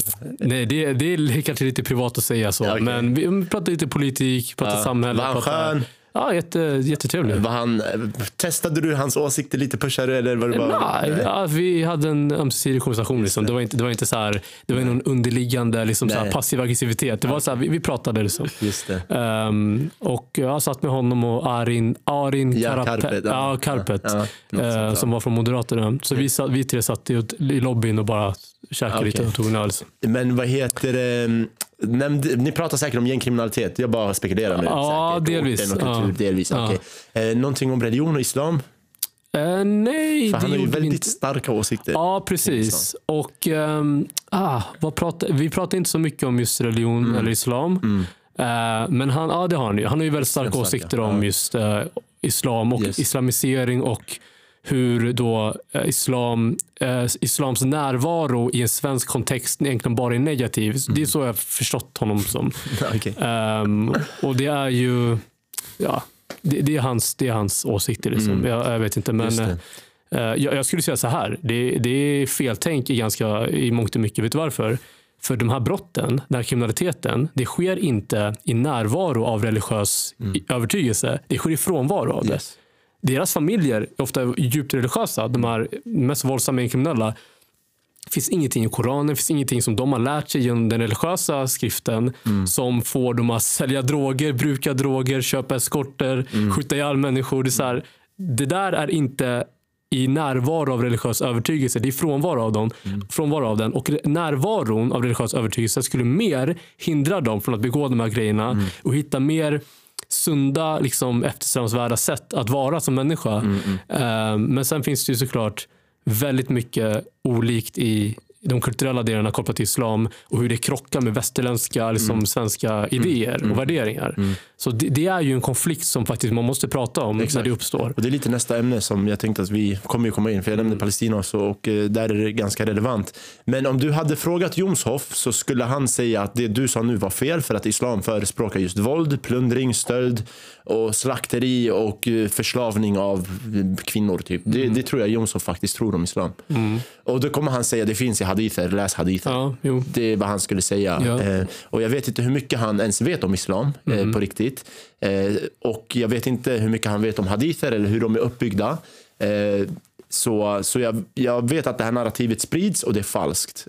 Och jag vet inte varför man väljer att sprida det narrativet. Och vad, jag skulle vilja säga att när vi har pratat om dåliga förebilder så skulle jag vilja säga att muslimska företrädare är bra förebilder. För de förespråkar att man är eh, undergiven till Gud, att man tror på Gud och att det då kommer med vissa regler och de här reglerna är att vara en god människa. Det är det som islam grundar sig i. Sen att det finns extrema muslimer och så vidare som har gjort sjuka saker i religionens namn. Det betyder inte att religionen är sjuk. Det finns sjuka människor i alla religioner. Och om vi nu ska ta exempelvis Palestina-grejen, eftersom att jag är väldigt insatt i den, och jag är inte palestinier och anledningen att jag är insatt i den specifikt det är för att jag har berättat lite om det på sociala medier också. 2002, så när media kontrollerades och hade monopol på informationen till skillnad från idag där vi har en podd och kan sprida lite information och det finns sociala medier där andra narrativ får möjlighet att komma ut till världen så fanns inte den möjligheten 2002 och media kontrollerade all information och media sålde på oss idén om att Irak var ett hot mot världen. Och Irak hade ingenting med någonting att göra. Det var ett land under sanktioner, medicin kom inte in tillräckligt, många barn dog på grund av det, mat kom inte in tillräckligt, det var fattigdom, man var hungrig. Och ändå ansåg media och USA då och allt det här propagandamaskinen om att de är en fara. Man gick in dit, en koalition av NATO och andra länder och bombade skiten ur landet. Man destabiliserade alltihop. Man drog ner hela regeringen som var Saddam Hussein och man hade ingen plan för utvecklingen och det blev kaos och Isis kom och alltihop. Två miljoner civila har dött nu. Och vi ser återigen Palestina-konflikten idag. Då media återigen kommer ut med information om man har slaktat bebisar. Joe Biden sa det här är fruktansvärt och sen kom Joe Biden och sa att det här var fel, jag ber om ursäkt. Han bad om ursäkt för den saken, för det var falsk information. Man pratar om att de har våld ja, de här soldaterna från Gaza då ska ha gått ut och gjort hemska saker med kvinnor. Återigen, stämmer inte, finns inga belägg eller bevis som har kommit ut från det. Och vad man gjorde i Irakkriget 91 då var det en, en liten tjej, och det här finns på video. Hon gick ut till amerikanska kongressen och sa ah, min mamma blev vedtagen och de har plundrat och slaktat och det här är den irakiska armén.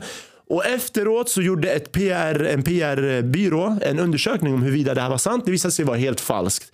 Så det här är falska bilder som man vill ge för att folk ska rättfärdiga att massmörda oskyldiga människor. Och det är det jag ser nu sker i Palestina-konflikten och det är därför jag är så insatt. För jag själv har blivit drabbad, min familj har blivit drabbade av dessa lögner och nu ser jag samma sak och det är oskyldiga civila som dör. Men ändå så väljer man inte att titta på dem, man väljer att titta på den ena sidan och, och måla upp dem som offer fastän det är falskt. Så det här är ännu ett sätt bara att se ner på islam. Och när jag säger det här, typ att man säger islam spreds med svärdet och så vidare. Och samtidigt så ser vi vilka som plundrar och slaktar och mördar. Det, alltså, det, det, det går inte ihop för mig. Så det är Okej. därför jag är insatt i den Ja, frågan. förstår.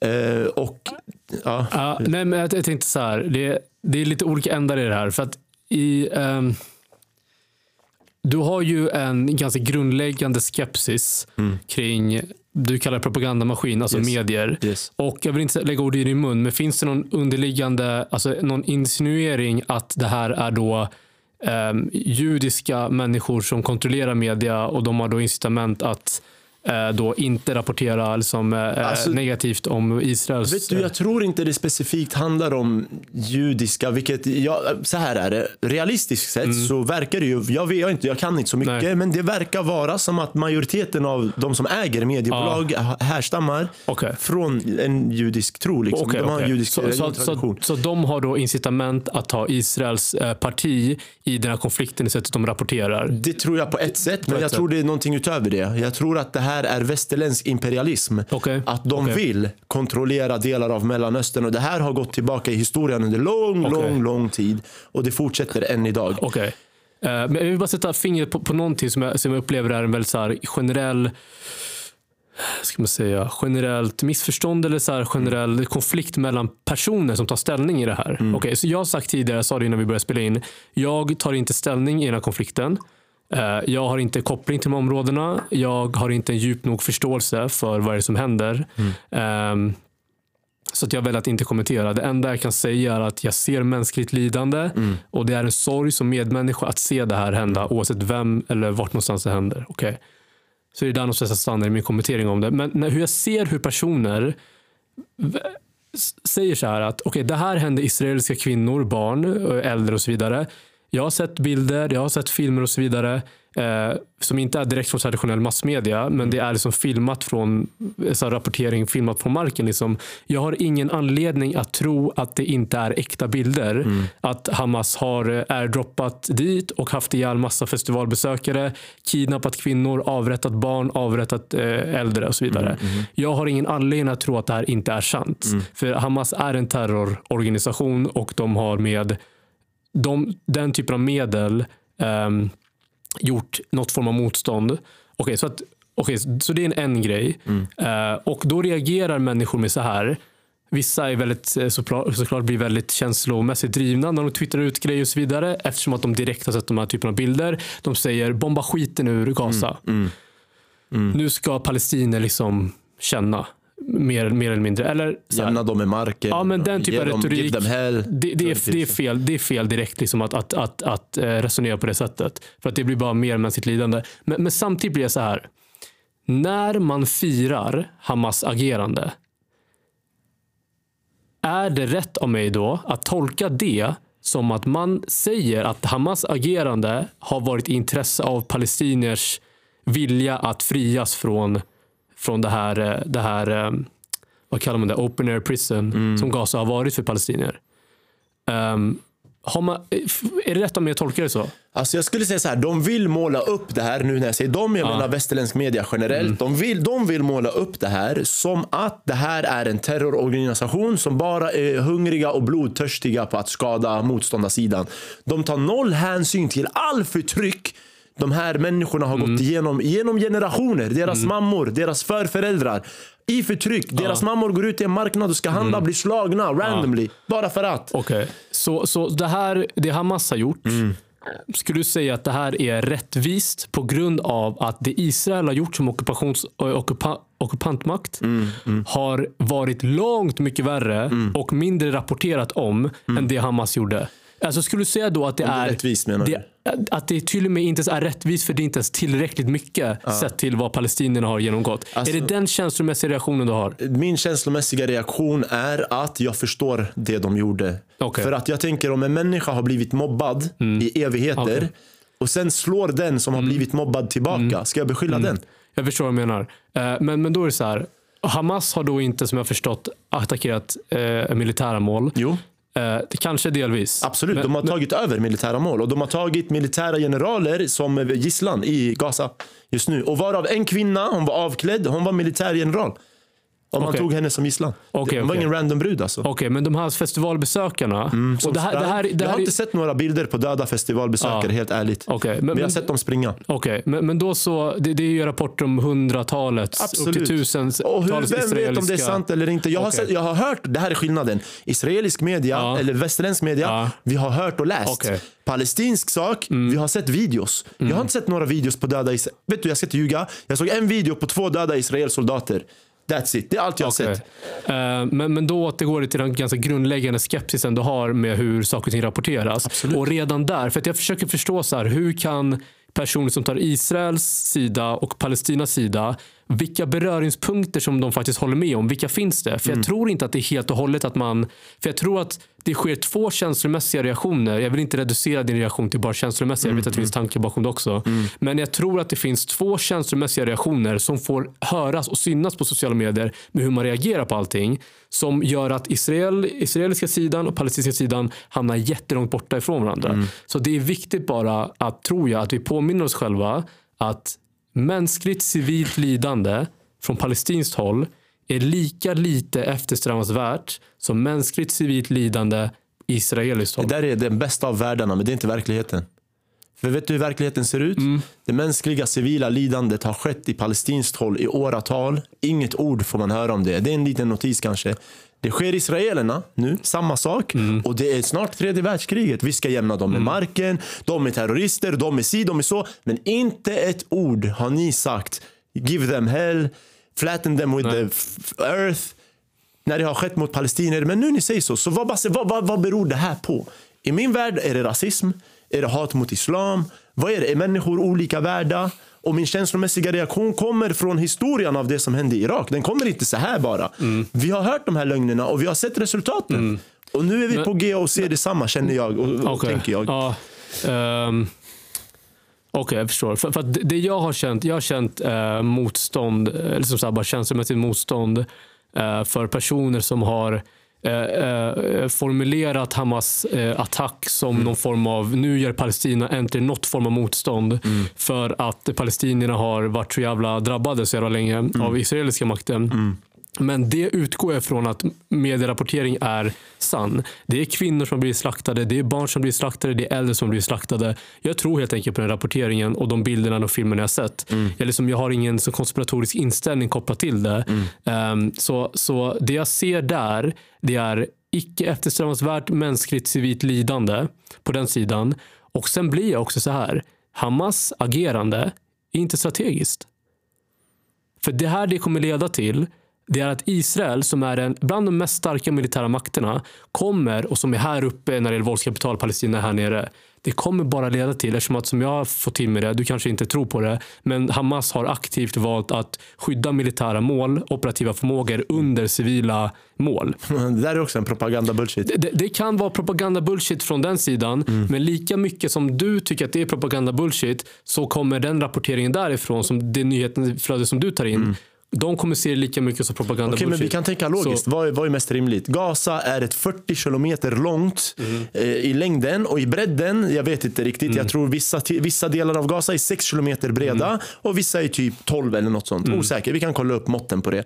Och det bor två miljoner människor. Vi är i Kista nu. Till, till Södertälje är det typ 40 kilometer. Och det är hela Gazaremsan. I den lilla, det lilla området bor det två miljoner människor. Det var hela Stockholm är, hela länet är med alla dess utkanter. Två miljoner. Vart än de här Hamas-människorna skulle välja att gömma sig så kommer de vara bland civila. Det finns inga militära mål i Gaza. Det finns inte. Men, men, men tror du inte att gömmer om. Israel hade velat jämna mm. varenda palestinier med marken, då hade de ju redan gjort det för länge sedan. Men varför är det okej? Nej, jag tycker att det är okej. Ja. Men jag säger det som, då hade de väl redan gjort det. Ja, ja, men det Eh, går ju så inte. Du kan inte, alltså, du kan inte bara bomba ihjäl människor hur som helst. Det, går det, tror jag, alltså det läget tror jag att de börjar landa i. Så att, för jag, har läst nu Det att de det, vill att men- civila ska lämna. Och det här normaliseras. Alltså, vissa pushar ju på, gör det. Och hur kan vi tillåta att det Mm. Och det, exakt, och det, det är lika fel. Alltså det, allt det här som pushar för civilt mänskligt lidande, det är fel. Exakt. Så, så det, det jag försöker så hitta, hitta någon form av så här förståelse kring, Mm. det är att kan vi, vi för att vi, vi kommer ju från lite olika, lite olika platser här, men Mm. vi behöver komma överens som människa, som släkte, som kollektiv, att civila människor, civila mål, äldre, kvinnor, män som inte har något med den här, eh, som inte är militära mål. Mm. Det är tragedi när de slaktas på det här 100%. sättet. Ehm, och att det är det jag menar med Hamas agerande. Att det kommer bara leda till att Israel kommer slå tillbaka för en helt annan typ av militärmakt. Och sen kan man prata om situationen i Gaza. och Mm. Varför den fördömer konflikt... man inte Israel då? Ja, hur kan man fördöma Hamas om vi tar det här exemplet som du beskriver, Mm. eh, civilt människolidande är hemskt.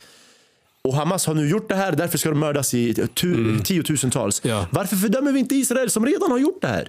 Yani, varför vänder vi blickarna mot Hamas och Palestina? Mm. Men det- Hade det- det, okej, varför gör vi inte detsamma med Ukraina? varför är de här hjältar och inte de här? Så återigen, jag landar i det finns någon ras- rasistisk undertoning här, Mm. Imperialistisk undertoning Det här. är mycket möjligt. Att, att vissa människor är värda mer än andra, vissa människor förtjänar att bli jämnade med marken jäm- jämfört med andra och så vidare. Eh, du minns den här videon jag delade med dig? Eh, Podcasten eller? Ja, exakt. Ja, yes. Det är basically en så här, en, eh, po- politisk Analytiker. ana- analytik, analytiker. Det, det, det, det, det finns... Det, det är komplext. Det här är komplext, komplext som fan. Eh, och det jag... Du, du, du tror det kanske kan vara på grund av rasistiska skäl som det här sker och sådär. Men samtidigt så ser vi muslimska, eh, eh, inte muslimska stater, men, men, men, men, men länder som, som drivs av ja, muslimska värderingar och, och har kanske muslimska ledare och så vidare. Eh, ta, liksom avvakta liksom. För att samtidigt som, som visst eh, Israel är i, i Palestina och, och har, har den här konflikten så är Israel och Egypten, Israel och, och Saudiarabien, eh, eh, Förenade Arab, eh, Arabemiraterna, Turkiet och så vidare. På något på sätt och vis, liksom med det här normaliserings... Vad heter den? Israel normalisering. eh, förhandlingarna, normaliseringsförhandlingarna. Fick, vet du vad det är? Eh, normaliseringsförhandlingar, det är basically det är förhandlingar för att hålla fred mellan Israel och, eh, och eh, liksom, Inte bara fred, skapa handel, direkt flyg Ja. mellan länderna. Att man normaliserar relationen basically. Och det kallas för normalisering. Eh, normalization. Eh, så har du de här ledarna, muslimska ledarna och, och sådär, som avvaktar, de vill se vad som händer, de vill inte riktigt liksom lägga sig i och, och, och, och försvara. Liksom. Det finns, den här mannen gav massa exempel på hur eh, Saudiarabien ser tre olika grejer. Eh, Turkiet, Erdogan ser tre olika saker. Eh, du har, så du har flera länder som, som, som liksom inte tar ställning till det här heller. Liksom. Så de låter det också ske. Eh, vilket så för mig, det är så här, var, var, varför, varför just det? Och varför kritiseras inte det också lika mycket? Men Liksom? man kan inte, kolla när någonting sådär drastiskt sker, alltså tro mig, inte ens Netanyahu som eh, är ledaren för, enligt mig, en terroriststat. Eh, han vet inte heller hur han ska förhålla sig eller hur han ska, han, han tänker också, analytiker sitter och pratar, ingen vet. Men man är rädd att eskalera och trappa upp. Det är det man är rädd för. Jag tror att det här, eh, inte på, på bara av den här podden, för jag läste mig in på det här. Jag tror att det här som sker idag är på grund av att Netanyahu, Netanyahu okej, eh, jag tror inte många som vet det här, eller kanske det är många som vet det här. Men han är inte stark favorit i Israel. Alltså, det är inte så att folk avgudar det honom. Liksom. jättemånga korrupt, Så korruptions... du har ju folk, man, man, man kan stänga, han är höger, okej? Han är höger och så har du vänster i Israel som är typ 50% av befolkningen som är vänster. Eh, som, som, som vill ta hans position och de, de vill inte att han ska, att han, han ska ha makten. Nu, nu har de tvingats att ha en, eh, en så krigs, eh, så war, krigsregering. Eller vad, så de har ju kommit ihop för, för just den här. Men det skedde inte på direkten. För du har en sida av Israel som eh, vill deeskalera det här och du har en sida av Israel som vill eskalera det här. Och det sägs att på något sätt så har Netanyahu skämt ut sig. För han har ju lovat det israeliska folket säkerhet att det här kommer inte ske och nu har det här skett. Liksom. Så jag tror att också det här är någonting som är från hans ego. Att han liksom vill bevisa för alla att oh, jag kan skydda er och sådär. Men han har blivit utskämd. Alltså han har skämt ut sig på sätt och vis. Så det är konflikter, det är splittringar. Även också i Palestina. Du har folk som inte gillar Hamas. Uh, för, Men ingen av dem har kondemnat Hamas. Även det finns ett parti som i Västbanken som generellt har konflikt med Hamas Mm. och inte backar dem. Nu, de har inte kondemnat dem. De säger. Alltså, det här är en kamp om frihet. Det handlar inte om en terrororganisation som de målar upp det. Det handlar om att göra sin röst hörd få världen att inse vilket förtryck man lever under. Och nu återigen så ser vi hur de slaktas och jämnas med marken och folk säger give them hell och allt är okej. Okay. Det är det här det handlar om, att man vill bevisa och belysa. Så det handlar inte om en terrororganisation. Även om Hamas kanske inte alltid gör de bästa sakerna så vill väst måla upp det som det här är terrorister. Nej, det handlar om jämn, jämn, lika mycket värde av en palestinsk som en israel. Jämlikhet. Det handlar om rättvisa. Så, så, så, så man kan, du, du, du kan alltså se Hamas agerande som någonting som ligger i enlighet med Palestinas intresse som står? Just nu hela Palestina står enade och säger typ så här det handlar om en kamp om vår rättvisa. Vi vill göra vår röst hörd. Och grejen är många som eh, Pablo var inne på, de har börjat normalisera relationen med Israel. Vilket får palestinier att känna sig övergivna av araberna som ska vara deras muslimska bröder och så vidare. Så att de känner sig övergivna. De känner så här, vi måste, ingen bryr sig om oss. Mm. Så nu man gör en motreaktion och det har väckt lite reaktioner. Liksom. Och då är min fråga, är inte liksom eh, de protesterna, manifestationerna för, för Palestina har kanske mer med det att göra, att de känner sig övergivna av sitt eget folk, än att de har manifestation för att de... de, de alltså, det jag säger så här. Folk, de, det för, Visst, det har mycket med att göra med Hamas och, och Palestina. Mm. Men vi måste ändå, ändå, ändå tänka att palestinska regeringen och Hamas är två olika saker. Och mm. att när du går ut och manifesterar för Palestina, du manifesterar för att de är eh, inte bara uteslutna eh, rent geografiskt från eh, Israel och hela den biten, men också från sina eh, sin community på, på sätt och mm. vis. Mm. Eh, jag tror inte någon där ute, eller jag hoppas inte att någon där ute liksom Första dagen det är som sagt civila liv som, som, som tar smällen för det. Och och jag tror att alltså krig, det, för jag är anti-war liksom. Så jag, jag supportar inte alltså, eh, folkets eh, så, så, dödande på något sätt. Eh, så här, Israels som ockupations, eh, ockupantmakt är inte nödvändigtvis eh, en reflektion av folkets eh, ska säga, värderingar. Man, man, kan inte bara måla upp varenda person som gick på den här festivalen som är slaktad. För det är fortfarande som sagt, jag tror på den rapporteringen. Mm man kan inte bara attribuera deras intentioner, deras värderingar till oss, att det ligger i enlighet med vad Israel håller på med som ockupantmakt. Eh, de här gamlingarna som är slaktade, eller de här barnen, bebisarna, de här kvinnorna. Har som... vi sett bilder på det här?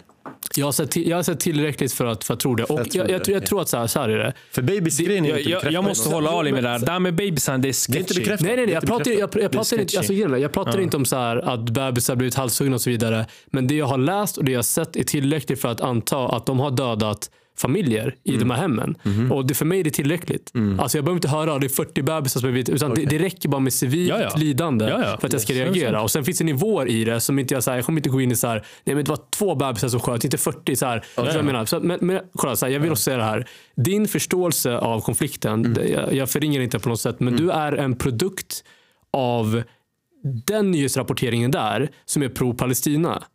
Och, jag skulle säga pro-rättvisa. Du kan säga prorättvisa, men det, det ligger i enlighet, det ligger i liksom linje med en, en, en, en uh, Hamas, pro-Hamas och pro-Palestina.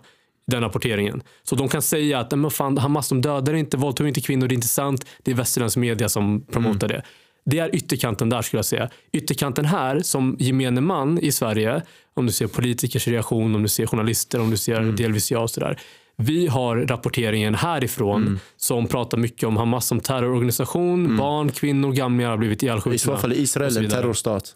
Vad sa du? I så fall är Israel en terrorstat. Ja, men, men okej, okay, så att vi, vi, vi alla är produkter av två olika världsbilder. för att det är så vi tar in information. Alltså, absolut, du? men om Hamas är en terrororganisation, hur är inte Israel en terrorstat när de har begått samma sak och ännu värre? Det, det är mycket möjligt. Min kunskap är inte djup nog, okay, men jag säger Israel som... Och det finns siffror, statistik genom åren. I, ja, många palestinska, barn, familjer, kvinnor och så vidare. Palestinska och de gör krigsbrott blivit, just nu. Eh, Ursula von der Leyen hon är ja, ordförande i ja. Europaparlamentet. Uh -huh. I Ukraina hon sa så här Ryssland håller på att stänga av elektriciteten för Ukraina. Och Det här är ett krigsbrott mot, ett krigsbrott. mot eh, internationella ja. konventioner och lagar. Jag vet inte orden. och nu ser vi Israel göra detsamma. Och Rykten går, och vilket jag tycker makes sense, är att man vill strypa elektriciteten för man vill ta bort internet, mobiltelefoner så ingen ska kunna filma och rapportera det som faktiskt händer. För återigen, det som vi ser från palestinskt håll, det är videos, det kan vi se. Det som vi hör från Israels håll, det är hörsägen. Det, fin, har- det finns videos, det Ingen finns, bild, sett. det, finns, jo, men det finns bild- bilder, det finns videos, det finns allt möjligt. Ali. Så det. Det- du- många du kan videos också var det. fake. Det Men- fanns bilder Sam Harris, han delade Det- till exempel. Här är ett barn som har bränts. Det var AI intelligence eller vad Ja. fan det är. Det var fake. Ja. Mycket fake kommer därifrån. Ja, men fortfarande, det finns tillräckligt. Vi vet tillräckligt. Som sagt, du är produktion av den nyhetsrapporteringen, vi andra är produktion av andra nyhetsrapporteringar. Det är ingen faktiskt som är där och ser exakt alla nyanser vad som händer. Men det, alltså, Men- det, men- det men finns jag- majoritet jag och utgår- och sådär. Jag utgår från att mycket civilt mänskligt lidande har skett i Israel. Mycket civilt Mer. lidande Mer civilt. har skett I generationer. i, har skett i liksom Palestina och så vidare. Jag, jag motsäger inte något av det här. Mm. Som sagt, jag tar inte ställning, jag väljer inte sida. Min kunskap är inte djup nog, jag är Mm. inte från de här områdena. Vi har en konflikt i Tigray eh, som just nu som är närmare min mamma och jag. jag som där min ekonomi, mer av min uppmärksamhet kopplat till omvärldskonflikter, det går ditåt mer. Mm. Jag har liksom inte, och gängkriminalitet, ungdomar i Sverige och så vidare. Jag har inte utrymme här uppe för att eh, gå in i den här liksom, Men jag typen vill av också konflikt. dra en koppling genom allt det som sker i Israel och Palestina. Att många av de här kidsen i orten kommer ju från länder som är i Mellanöstern som kanske har en muslimsk bakgrund som Mhm. ser det här och som upplever det orättvisor. Och som kommer hit och blir så här med de här länderna står för att mörda och slakta Ja. mitt hem och mitt folk och min nation. Ja, Gud förbjude att det är så. Exakt, Gud förbjuda. Men det är många som tänker så. Då blir de så här, men jag kommer inte respektera det här samhället heller. Det, det är en risk också. Eh, men ja, det, det är svårt. Det, det, är för, det är för komplexa, Det är otroligt komplexa komplext problem. jättetragiskt. Eh, så att, och, så här, det, eh, ah, det, det är bara för att det vi alla i alla fall kan enas om. Be för be för oskyldiga fred, liv. Och, ja. be, be för rättvisa. fred, be för mänskligt utvecklande, be för frihet, allt sånt där. Mm. Kanske naivt att bara säga att man ska be om grejer, men jag vill bara att vi inte tappar liksom det som Jag människor. det är att vi, är, vi är samma. Det är så klyschigt att säga nu, men vi är bokstavligen samma. Längs vägen så lär vi oss att separera oss. Som kön, Det blir och samma utseende, när hudfärg och en palestinsk barn blir mördad. När det blir en lika stor hysteri kring det som när ett israeliskt eller västerländskt barn blir mördat. Då är vi samma. Men Om Gud, om. Gud vill så dödas inga israeliska I barn. bästa eller av världarna, vilket vi hoppas. Och, ja. Man kan bara be om det. Men absolut, det, det, det, det är en svår, det är en svår konflikt. Det är svårt med omvärlds, liksom, politik och krig. Exakt. Men, eh, och man märker verkligen hur det engagerar människor här och det splittrar. Vi behöver inte splittras mer i saker och ting, men det blir, det blir oundvikligt så. Jag skulle också uppmana personer som inte har en djup förståelse av det här och som inte nödvändigtvis liksom är från någon av de här ställena. Man kan mer observera saker och ting än att hoppa ut och lägga in Förstår vad jag menar? Lägga din mening och så pusha på du vet, den här negativ, negativa energin de du får av den här rapporteringen. Så ska du bara om man bombar här, eller så här borde de göra. Sverige borde dra in bistånd till Palestina och så vidare. Vilket jag inte riktigt fattar. Så här, om man, det är väl palestinska folket som är... Vi skapar ju nya Hamas eller som så här, eh, medlemmar om vi försvårar det här området mer och mer. Eh, Men, men i alla fall, alltså den typen av... Så här, om du inte har en djup förståelse för det, gå inte out of your way för att du vet, Men jag, och jag är var, också- var in the mix. Du Och vet. jag är också rädd att man köper allt det som media säger och du vet så här, att man bara ah shit det här är sant, Mm. de har slaktat bebisar. Men det vill jag säga också så här. Du och din nyhetsrapportering från den sidan, det skulle uppmana till samma sak där. För jag Att förstår inte att det, det. Men det är ju videos, att, att, att, inte, att inte bara så här köpa, för det är ju alltid propaganda. Allt är så här, i enlighet med vissa intressen. Så att så här, och det där händer med Andrew Tate mycket, Mhm. har jag märkt. Det är lite så här side, eh, sidospår nu. Eh, är vi på väg att avrunda eller? Ja, Ja. ja, Ja, okej. sista vi pratade om. Okej, okej. Så sista jag, tänker bara, jag tänker bara snabbt där om vi ändå Ja, är inne i så information och sociala medier. Och så där. Eh, Det är ju att när unga killar ehm, tar till sig du vet, radikal feminism och Mm. du vet, hela den här ruschen. Där pojkar, framförallt unga män, känner att de, så här, de har inte riktigt plats där. De blir typ så här, eh, lite attackerade. Det är Mm. inte liksom deras värld. Liksom. Eh, och de känner att det blir väldigt dominant i vårt samhälle, i vår kultur. Då kommer någon som Andrew Tate och säger hej, fuck det där, lyssna på vad jag säger nu. Men han är ju motreaktion från en ytterkant där. Och då blir det bara propaganda åt det hållet istället. När vi egentligen kanske borde sträva efter att inte vara väldigt så här, promotade av så här, väldigt specifik uppsättning idéer. Och, du vet, det, här mans, det finns ju verkligen så här, manskultur just nu. Det är Andrew Tate, det är Sneeko, det är Red pill. Red, ja, red pill grej. Exakt. Det är så jävla töntigt. Men, och då lär sig pojkar att det där är inte för mig. Men då går jag all in här istället. Och då blir det bara propaganda där också. Det är sant. Så att, så här, att man försöker vara Återigen, det här är fri. också ett resultat av sociala medier. Den, den neutrala rösten hörs inte. Det är bara den extrema rösten. Och Exakt. det dras ut i extremiteter Exakt. mer och mer för att få uppmärksamhet. Precis. För att, för att vi alla är ute efter engagemang, klicks och så uppmärksamhet. Om du är balanserad, Det är ingen du lyssnar, får ingen ingen uppmärksamhet. Ja, Ja. Men när du är så här så, Exakt. då går upp luften. Ja, när du har någonting, ja, sjukt. Men så det är ännu ett resultat, fast i större skala kanske, en gäng och i Ja. Sverige specifikt. Verkligen. Okej Lolo, vad tänker du? Några avslutande ord? Jag vet inte, jag håller på att skriva på en bok. Tung! Damn, nice. Ehm, Då du att- tillbaka inför släppa? Ja, Ej, tung det. Ehm, så den, jag kommer kanske promota den början på nästa år. Helt rätt. Har du, hur långt har du kommit i processen? En, en, en bit. Eh, så den, ja, det, det är spännande. Så att det, det ska bli kul att se vart det utvecklar sig. Ehm, I övrigt så eh, jobba på liksom. Mm. Försöka vara aktiv här ute och Mm. försöka pusha rätt saker. Det är bra. Jag är glad att din röst hörs. Det, du, det är många som kritiserar dig, Mm. även skriver till mig så här, han är si eller han är så. Men oavsett vad så jag tycker du står för eh, liksom, bra saker. Mm. Du, står inte, du vill inte att fler liv ska tas och så vidare, vilket i slutändan är bra. Ja. Eh, Även om det är så att du samarbetar med en myndighet eller inte, spelar ingen roll. I slutet av dagen, du vill, go- du vill, ett, du vill ha ett gott samhälle och det räcker för mig. Liksom. Eh, Så jag gillar att din röst hörs. Du, du säger som sagt bra saker och du tar väldigt du tar orten i hänsyn när du pratar. Det är många som glömmer att bara peka finger och det är jätteviktigt tycker jag. Ja, men det, det, det är jag glad att höra faktiskt. Mm. För det, jag, får aldrig, jag, jag vill inte som, ehm, målas ut som en person som sitter på en hög häst Nej, liksom så och kollar ner på förorten. Utan Precis. genuint, jag vill att pojkarna och flickorna från de här områdena ska utvecklas på ett positivt sätt. Mm. Och Jag tycker mig se negativa saker som påverkar dem. Mm. Och Det är väldigt viktigt att adressera. För att Jag vill att de ska ha samma upplevelse av Sverige och den tacksamheten tillbaka till Sverige som jag har, Mm. jag har fått liksom hela mitt liv. Eh, och Jag vill att det ska gå bra för människor, framförallt från de områdena. Exakt, och det är därför jag tycker din röst är väldigt viktig. Så jag är glad för din det. framgång och jag ser fram Tack, Ali. emot boksläppet och jag ser fram emot nästa avsnitt som vi Ja. spelar in inför boksläpp då. Absolut. Du får jättegärna komma och uh, promota din bok också och prata om den. Absolut. Vad, vad kommer den hamna Alltså, vilka vilka Vi ämnen kommer det den handla handlar om? Om. Vi vet redan vad det Det kommer kommer handla om Israel, Palestina. Andrew Tate. Men det kommer handla om... Det, det kommer handla om just uh, gangsterkultur och eh, sociala medier. Det kommer utgå från ett ärende som jag utrett eh, på jobbet. Intressant. Så då tror jag både jag och Ali håller med att du, du välkommen tillbaka och prata om, om din bok. Och, och, Eller det beror på hur han tar ställning i Israel-Palestina-frågan.